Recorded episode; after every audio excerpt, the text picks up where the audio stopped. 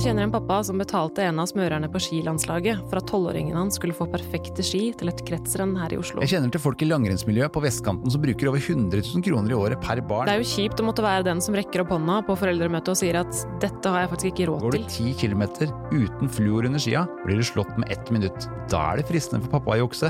Det går rykter om en aktiv åtteåring som har flere dager på ski i løpet av året enn en landslagsløper. Jeg vet om flere som har privat trener til unge ned i niårsalderen. Som trener tennis klokka sju om morgenen før skolen. Toppidretten er brutal. Kampen om de avgjørende tiendelene og poengene er stadig oftere en ressurskamp. Det vil si, det handler om penger.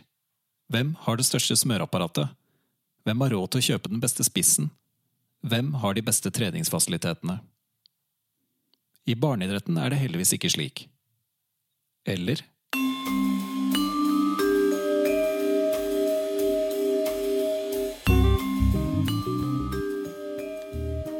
Velkommen til episode fire av Pappatrenerne. I denne episoden har vi gjort som skaperne av NRK-serien Exit. Vi har intervjuet kilder som har oppsiktsvekkende historier å berette, fra miljøer de fleste av oss kjenner lite til. Disse kildene ønsker å være anonyme, så vi har gitt dem andre stemmer. De snakker om åtteåringer som har flere dager på ski enn alpinlandslaget. De snakker om foreldre som kjøper tre på spesiallagde slalåmstøvler til barna på én sesong. Vi skal høre om private lag der de beste barna blir sponset for å være med og trekke nivået opp. Vi har blitt fortalt at barn systematisk proppes med smertestillende og inflammasjonsdempende medikamenter for å holde ut i trening og konkurranse. Om treningslære for barn i Alpene i høstferien, der familier blar opp 60 000-70 000 kroner for å være med. Noe av det vi skal høre om, er regelrett juksing med utstyr for at barn skal prestere bedre enn konkurrentene. Vi skal høre om en kultur der man er ekstremt opptatt av å rangere barn, og arrangerer uoffisielle norgesmesterskap for de under ti år. Og forresten, hva heter det uoffisielle norgesmesterskapet i tennis for barn under ti år? Porsche 911 Cup. Hovedpoenget i denne episoden er ikke at det er ville tilstander i alpin- eller tennismiljøet på vestkanten i Oslo og Bærum, eller langrennsmiljøet i Trøndelag. Det urovekkende er at tendensene fra deler av disse miljøene sprer seg til andre deler av idretten, og skaper et økende skille mellom de som har råd, og de som ikke har råd.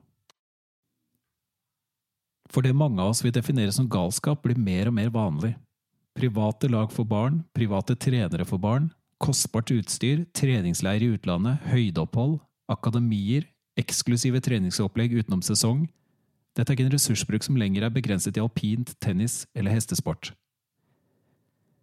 I idretter som langrenn, friidrett og fotball ser vi også at viljen til å kjøpe de beste forutsetningene for egne barn er økende. Fotballsko til barn kan gjerne koste opp mot 3000 kroner. Foreldre leier inn private trenere i tennis eller fotball som skal maksimere potensialet til seks-, syv- og åtteåringer. Barn trener fotball før skoletid, etter skoletid, på private fotballakademier gjerne hver eneste dag. Det koster. Og er det sunt? Ove Talsnes er landslagslege i friidrett. Han observerte norske tolvåringer på høydeopphold i St. Moritz. Han selv var på treningsleir med Ingebrigtsen-brødrene. Han kommenterte det slik til Hamar Arbeiderblad. Jeg blir skuffet når det er så stor mangel på kunnskap hos trenere som kanskje også er foreldre og ledere. I stedet for å jobbe med basisen, det aller viktigste, jobber de med marginer. Det som skal dra ut de siste centimeterne, de siste tidelene. Det er uforståelig, sa Talsnes. Hente ut marginer. Smak litt på den. Skal vi virkelig fokusere på å hente ut marginer i barneidretten? Men la oss starte med å gå på innsiden av miljøene der vi finner noen av de mest ekstreme eksemplene på pengebruk og økonomisk press i barneidretten. Vi har snakket med foreldre som har aktive barn innenfor alpint, tennis og langrenn, på vestkanten i Oslo og i Trøndelag. Disse foreldrene ønsker å være anonyme. Vi har derfor gitt deres beretninger andre stemmer.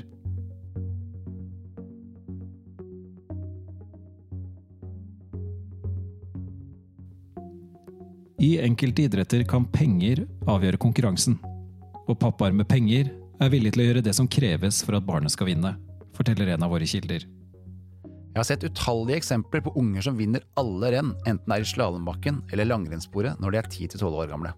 Nettopp fordi de har kjørt med den beste fartsdressen, de best smurte skiene og det beste utstyret.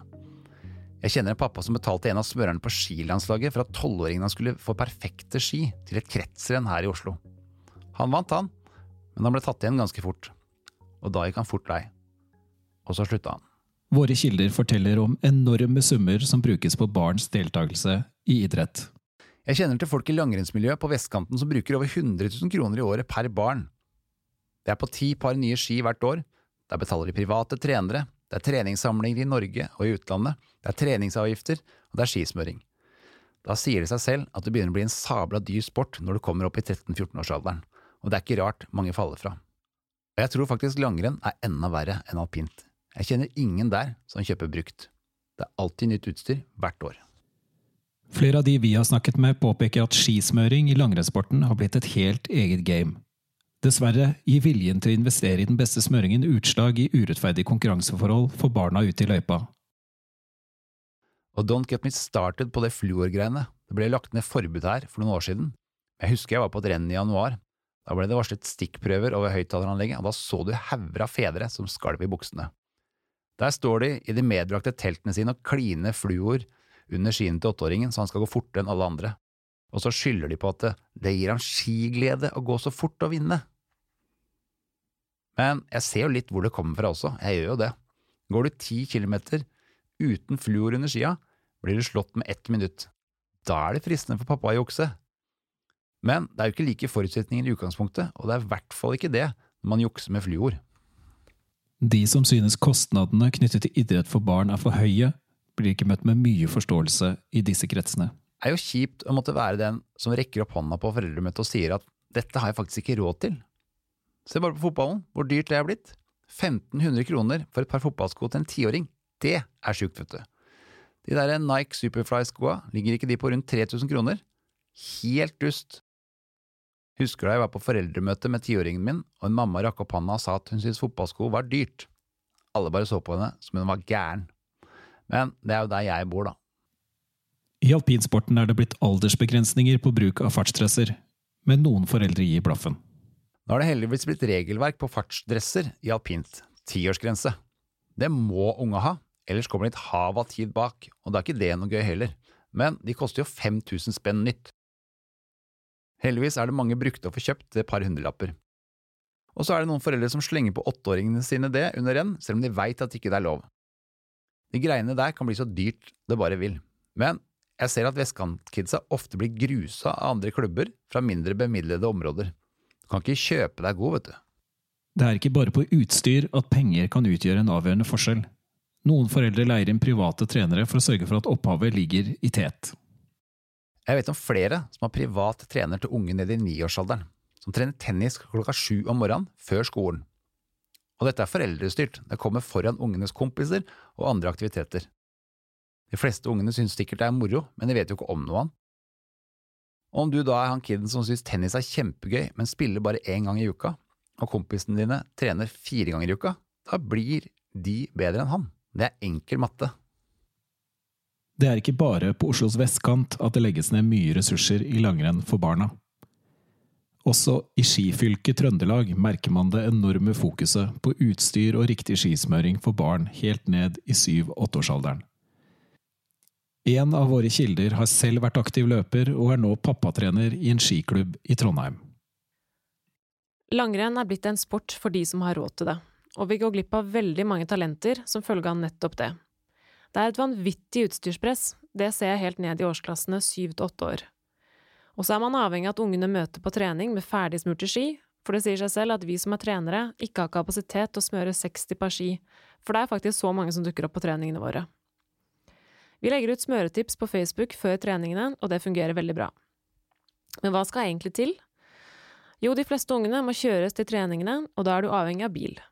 Så skal du ha penger nok til å kjøpe skøyteski og klassiske ski, samt skistøvler, bindinger, staver og utstyr. Rulleski om sommeren. Og ikke minst skal du ha råd til, og kunnskapen om, smøring. Alle liker god glid, det sier seg selv. Er du ti år og glir mye dårligere enn de andre på treningene, er det ikke noe morsomt. Alt dette, både med penger og kunnskap, er med på å bygge et skille der det er mange som ikke har råd til å drive med langrenn i Trøndelag. Jeg har selv opplevd at andre foreldre ikke vil dele med de som ikke har kunnskap om hva slags glid og festesmuring de har brukt på skiene til elleveåringen sin. Det er jo helt galskap. Når det innføres begrensninger eller tiltak som skal redusere kostnader, ser man at enkelte foreldre bevisst eller ubevisst motarbeider dem.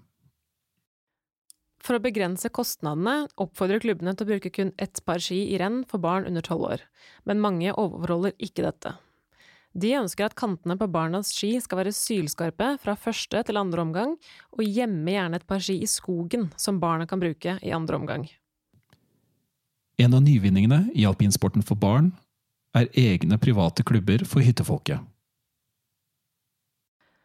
Det er blitt vanlig at foreldre med hytter på fjellet danner private alpinklubber. De går sammen om å kjøpe kostbart utstyr som porter, porteriller, timere, walkietalkier osv. De leier inn trenere og leier traseer til eksklusiv trening for sine egne barn. Dette blir da et privat treningstilbud utenfor klubbregi.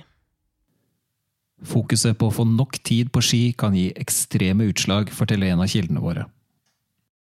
Det går rykter om en aktiv åtteåring som har flere dager på ski i løpet av året enn en landslagsløper. Om det stemmer, det vet jeg ikke men det er et enormt press på å få nok skidager i løpet av en sesong. Da må man stå mye på ski før snøen kommer for fullt i Norge. På vestkanten, i områder der det er høy tetthet av alpinbarn, synes engasjementet også i klasserommet, det vil si i form av tomme stoler. På fredager i min datters klasse, hun går på sjette trinn, er ofte halve klassen borte. De drar på treninger i helgene i tillegg til samlinger, og foretrekker å reise tidlig på fredager for å slippe kø. Mange er borte hver eneste fredag i vintersesongen. Noen har fått advarsel fra skolen om å miste plassen i klassen. Jeg har aldri hørt om det har blitt noe av disse truslene, men vet at lærerne og rektor er ekstremt oppgitte.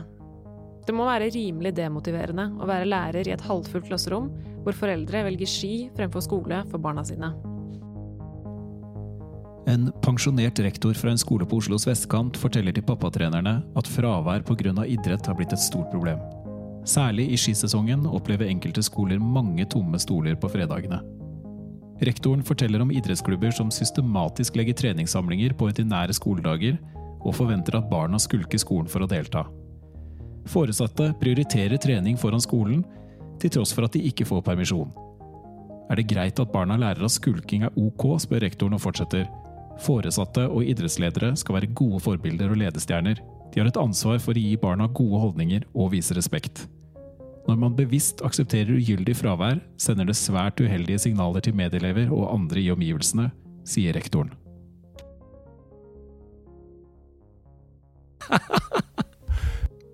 Bernt Blankholm er en typisk pappatrener på vestkanten i Oslo.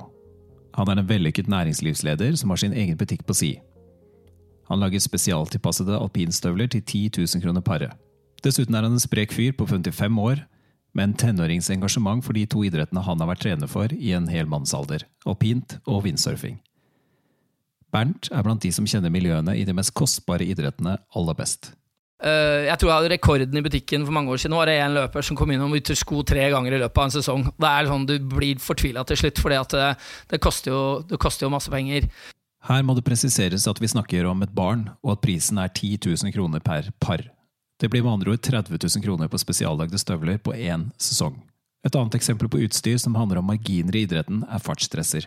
Ja, De ser jo ut som sånn halloween-kostyme, de fleste som får på seg en sånn dress. Fordi, fordi, produsentene lager jo faktisk ikke dresser som er, eh, som er, eh, Jeg tror den minste dressen jeg fant til han lille knotten min, var, eh, var 1,40. Og da tror ikke jeg han var mer enn 1,20 når han fikk på den, og dette er jo før reglene på en måte ble satt i, satt i sving. Uh, og så er det jo selvfølgelig én pappa da, som ødelegger hele greia. Hvor at han kommer med å ja, nei, du skjønner, vi fikk, uh, vi fikk dressen til storesøster. Ja, ja, og så rakner hele greia. For det går veldig mye fortere. Men selv om ikke barna da har tid uh, før de er i U12, Ehm, eh, eller blir rangert, da, altså fra én og nedover. Uh, så ser jeg folk på tidene. Da, Man vet jo hvem som er gode. Og det er klart altså, og det å kjøre fartsrace og ikke fartsrace, det er stor forskjell. er, og hvis du skulle være så uheldig å få motvind på flata, så er du liksom ti sekunder bak. Så det er liksom sånn Ja, ja. Det er helt Ja, det er veldig eh, Prøv å kjøre på Vestlea i motvind med fulle klær kontra uten. det går ikke. Så Våre kilder i alpinmiljøet forteller at det er et stadig økende fokus på at barn må ha nok skidager fra sommeren og frem til jul for å henge med. Det betyr at man må reise dit snøen er, enten det er i Alpene eller i et innendørs skianlegg i Belgia. De ivrigste snakker om å ha 60 dager på ski før jul. Enkel matematikk tilsier da at det er lite tid til annet på fritiden enn å reise rundt på jakt etter snø. trenerne er jo de som eh, driver kostnaden her sånn. Eh, og nå sparker jeg, for det, eh, det er ikke noen grunn til å ha 60 dager på ski før, uh, før jul. Trenerne som er alpintrenere, de trenger penger om sommeren òg, og da er det veldig lett å si at nei, nå må vi 40 dager på ski, ellers så blir det ikke noe. Så det er liksom Og vi har gjort det helt bevisst valg, at vi er ikke på ski, familien vår, fra april til, til høstferien. Og da er høstferiesamling det er en tur for familien hvor man drar av gårde og er på ski sammen, ikke nødvendigvis å, og for å bli eh, god på ski. Så, eh, men drar jo også, han skal bare til Kvitfjell i helgen og trene, så det er jo, man går jo i fella. Gjør det. Neste år åpner helårs skianlegget Snø på Lørenskog rett utenfor Oslo. Anlegget markedsfører seg som verdens råeste helårsarena for snøopplevelser. Mange skiklubber planlegger allerede å trene i dette anlegget. Så det blir jo veldig spennende å se hva som skjer med den innendørshallen. Hvor, eh, som åpner nå 15.1 på, på Lørenskog. eh, Som nå er verdens absolutt råeste innendørshall for alpint og langrenn og snowboard og det som er. Hva det vil gjøre med eh, når gærningene virkelig får tatt tak i det greiene der og skal trene fem dager i uka hele året. Eh, det kan bli Det gleder jeg meg til. Eh, det kan vi ta en prat om senere, for det, om et år. Se hvor gærent det er. I alpinsporten er private lag et fenomen som har bredt seg fra øverste nivå for voksne og nedover i barne- og ungdomsidretten. Uh, ofte er det sånn uh, at uh, man gjør det først inn i klubben, at man begynner å trene med de beste. At man tar ut de og drar på egne treninger og rangerer spesielle ting. Spesielt inviterte som får lov å være med. det å trene sammen med folk som er gode, er jo det er klart det er motiverende for alle. Privatlag for barn og unge er inspirert av utviklingen innenfor toppidretten. Og det er et fenomen som brer om seg. Foreldre samler barn i private lag og satsinger, gjerne med proffe trenere og støtteapparat, for å bli best mulig. Etablering av private lag, cuplag og akademilag skjer annet fordi de ikke er organisert under Norges idrettsforbund. Dermed omfattes de ikke av deres regelverk. Da er det fritt fram for å delta i konkurranser uten å rammes av barneidrettsbestemmelsene. På idrettsjust.no kan man lese at disse problemstillingene skaper hodebry. Blant annet ser man eksempler på at barn melder seg ut av en idrettsklubb for å delta i en konkurranse med et privatlag. Det er fordi konkurransen er utenfor barneidrettsbestemmelsene. Når de er ferdig med konkurransen, melder de seg inn igjen i klubben sin. Fra forbundshold er man ikke glad for denne utviklingen. I september gikk Fotballforbundet i Trøndelag drastisk til verks for å markere sin misnøye med privatlag i regionen.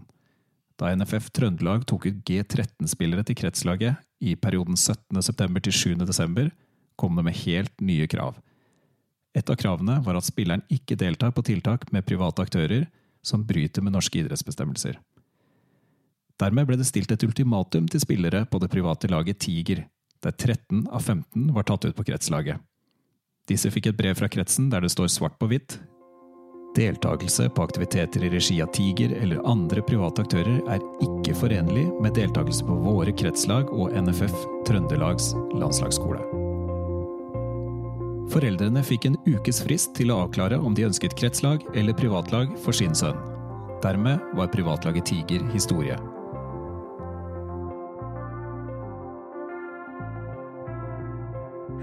Kan du ta imot en mulig olympisk mester.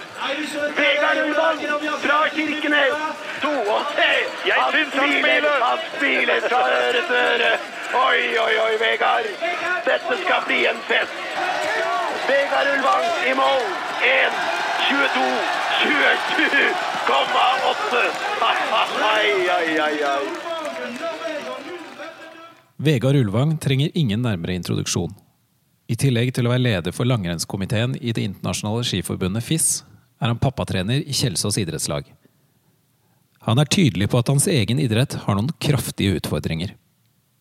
Det første møtet for mange, jeg har brukt som eksempel mange ganger, det er som kommer på sånne store skirenn, og som har et barn som skal være med. Så møter de et um, smøring foregårs i sånne, sånne selskapstelt. Eh, og der møter de 30 mann med gassmaske. Så jeg sier at det, det er ikke alltid en like hyggelig introduksjon til langrennssporten. Foreldre med gassmaske i smøreteltet sier noe om rollen enkelte voksne inntar i barneidretten. Det handler om til dels ekstreme tiltak for å hente ut marginer. Inspirasjon, metoder og tankegang er hentet fra toppidretten. Alt handler om resultater.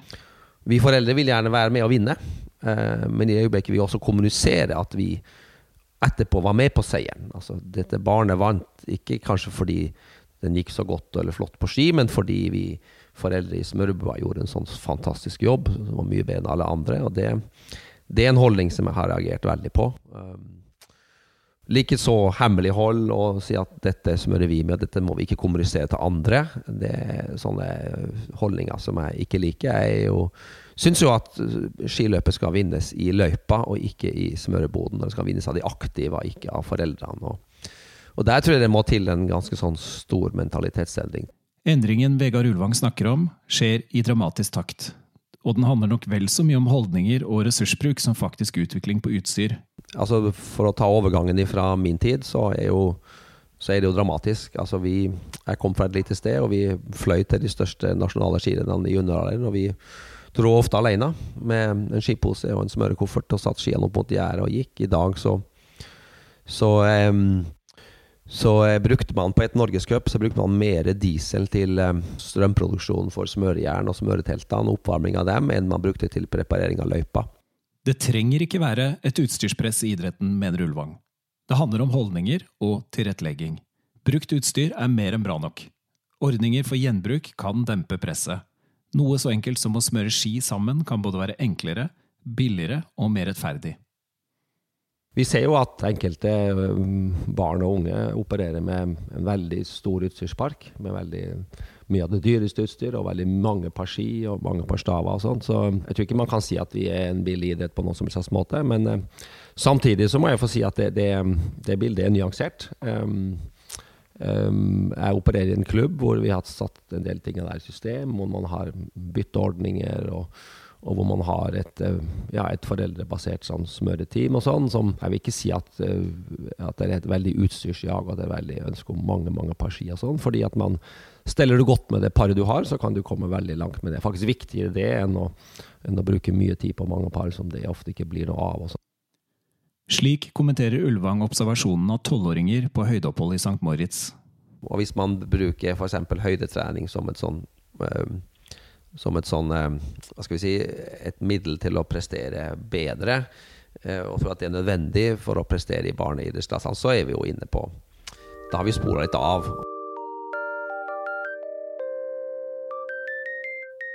En av dem som har opplevd profesjonaliseringen av barneidretten på nært hold og satt seg grundig inn i problemstillingen, er Rune Jørgensen. Til daglig jobber han som systemutvikler ved Forskningsparken i Oslo, der han utvikler avanserte systemer for 3D-design og analyse av bygninger. I 2010 rakk han opp hånda på et foreldremøte, og med ett var han pappatrener i både fotball og bandy. Da hadde idrettsklubben utgifter til en tredjedels stilling. Administrasjonen ble løst på dugnad. I perioden fra 2010 til 2014 opplevde Jørgensen og de andre familiene i klubben en dobling av kostnadene. Fra 2014 til 2018 så får du en ny dobling i lønnskostnadene i klubben. Eh, så slik at du har hatt en firedobling fra jeg startet i 2010 til jeg sluttet i 2018. Og det som var den siste økningen, det var når eh, klubben avviklet ordningen med frivillige frivillige foreldretrenere og skolelag på barnetrinnet, og erstattet det med en kul modell og betalte trenere. I klubben kostet det i 2010 3000 kroner for en 11-åring å trene fotball fra april til oktober. Dette var et standardtilbud med to treninger i uka. I 2018 ble tilbudet redusert til én trening, altså en halvering uten at prisen ble redusert. Ønsker man mer trening, er dette et betalt ekstratilbud til 500 kroner per måned og oppover. Så da er vi oppe i 6000 kroner i året, som er ganske nøyaktig dobbelt så mye som man betalte når det var foreldredrevet. Så jeg må bare si at eh, de mm, tallene som Oslo idrettskrets finner som en generell trend, det, det passer spot on med, med, de erfaringene jeg har fra den klubben jeg eh, selv har vært i. I USA har vi dessverre sett de siste årene en eh, utvikling med en veldig profesjonalisering og kommersialisering av barneidretten som har gjort den eh, veldig dyr. Og den største predikatoren for om du driver med idrett i USA, barneidrett i USA i dag, det er eh, familieøkonomien. Eh, dessverre så må jeg si at vi ser jo en del tendenser til den utviklingen eh, her i Norge nå, eh, i forbindelse med den kostnadsøkningen som har kommet de, de siste årene. Åse Strandbø er professor ved Norges idrettshøgskole og leder forskningssenteret for barne- og ungdomsidrett. Hun ser at klasseforskjellene er i ferd med å øke drastisk i barneidretten her i Norge. Men man kan også tenke idrett mer som et sånt velferdsgode. Som, hvorfor skulle ikke de som har dårlig råd, ha tilgang til det velferdsgodet som idretten, det å kunne drive med idrett er? Det, det er en, en, annen måte å, å tenke på det her på også. Professoren ser at vi er på vei tilbake til 50-tallet, der deltakelse i idrett og ressursnivå i familien hang nøye sammen. De som har god råd, deltar oftere i idrett enn de som har mindre å rutte med. Sammen med, med, flere kollegaer så skrev vi en artikkel for et par år siden der vi gikk gjennom studier som er gjort av ungdomsidrettsdeltakelse fra, helt fra 50-tallet og, og fram til i dag. Og så fant vi en ganske interessant endring. Den første studien, som var fra 52, der der fant vi at eh, uh, arbeiderklassegutter og gutter som drev med fiske og, og, fangst, de var ganske mye sjeldnere med idrett enn funksjonærgutter og studenter. Så det var en tydelig klasseforskjell i idrettsdeltakelse. Og denne studien var jo selvfølgelig bare om unge menn, for det var jo mye lavere deltakelse i organisert idrett blant kvinner. Kvinner kom jo til seinere. Men så fant vi i studier fra 1980- og 1990-tallet, da, da mange, mange, barn og unge var kommet inn i idretten Vi snakker jo ofte om idrettsrevolusjonen, rett og slett. At barn og unge kom med i idretten fra, fra 70-tallet særlig. Og da, i de her 1980- og 1990-tallet, så var det nesten ingen klasseforskjeller å spore. Altså, idretten rekrutterte veldig bredt. Det var mange barn og unge med, og de kom, var like godt representert om de kom fra middelklasse eller arbeiderklasse.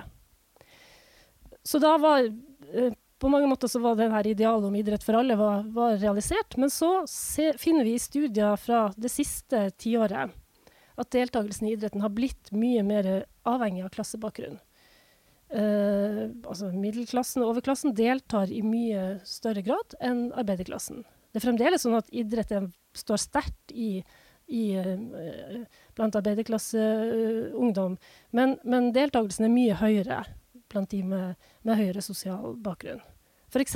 så viser en rapport fra Ungdata at uh, eh, 85 av, den, av, de ungdommene med, med høyest sosioøkonomisk status er med i idretten, mot 60% av de som er med lavest sosioøkonomisk status. Så det er en ganske stor forskjell. At idrett er dyrt, er ikke bare noe som opptar forskere og sterkt engasjerte ildsjeler.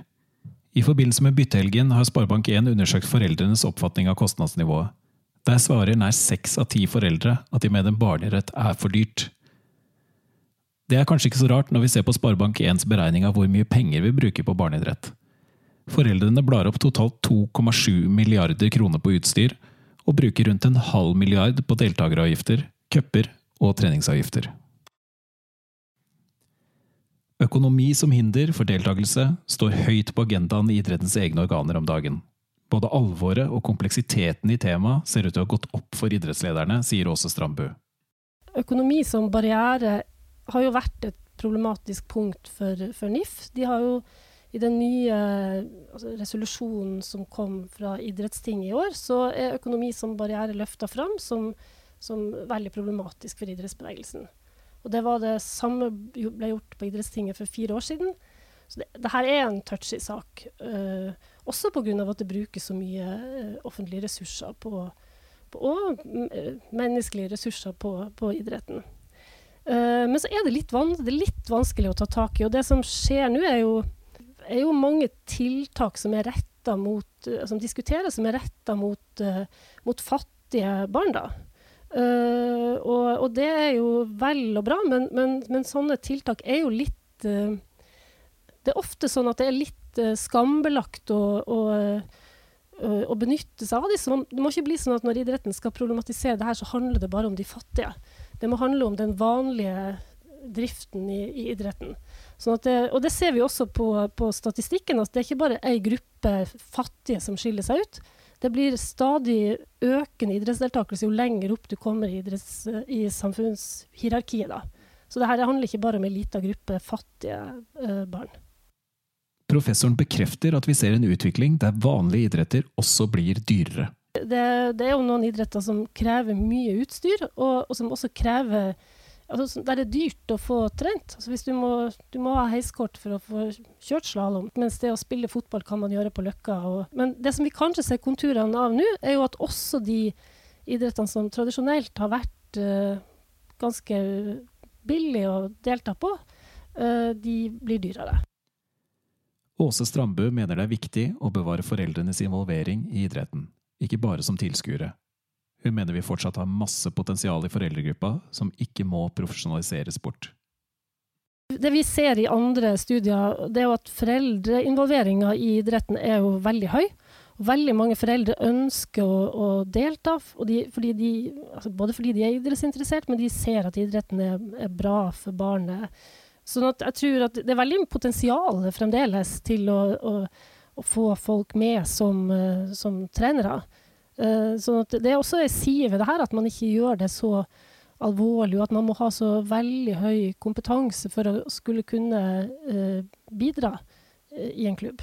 Men så må jo også klubben legge, legge til rette for at også de som, som ikke har noe utdanning i trening, får, får påfyll. Når idrettslag bevisst velger å takke nei til gratis foreldreressurser og erstatter dem med betalte trenere på alle nivåer, er vi på en farlig vei. Vi må sikre at idretten bevarer frivilligheten som det bærende element. Det sa Magne Brekke, generalsekretær i Oslo idrettskrets, i et intervju med Aftenposten. Dette er amerikanske tilstander, mener tidligere pappatrener Rune Jørgensen. Det er jo selve essensen i det her, da. Eh, ønsker vi å beholde den norske modellen, som er basert på et massivt eh, frivillig bidrag fra foreldre, eller eh, kommer det nå til å skje en utvikling mer eller mindre av seg selv, hvor man sklir sakte over til en si, USA light-variant. At det blir dyrere, det blir mer klasseskille i idretten, det blir mer seriøst, det blir mer tidlig spesialisering. Det vil jo være for dumt om vi går liksom bare sånn hodeløst på automat inn i en sånn utvikling. Da bør man i hvert fall ha en ordentlig debatt og, og runde i Idretts-Norge om det er dit vi vil. Verdien av frivillighet er mer enn bare den økonomiske, påpeker Jørgensen. Han viser til forskning fra USA om frivillighetens betydning for et nærområde. Der det er høy grad av frivillighet, er det lav kriminalitet. Skolene fungerer bedre, barn har det bedre, og folk har bedre helse. I USA så har liksom frivilligheten gått tilbake på 70, Det var på høyden på 50- og 60-tallet, gått tilbake på 70-, 80-, 90-tallet.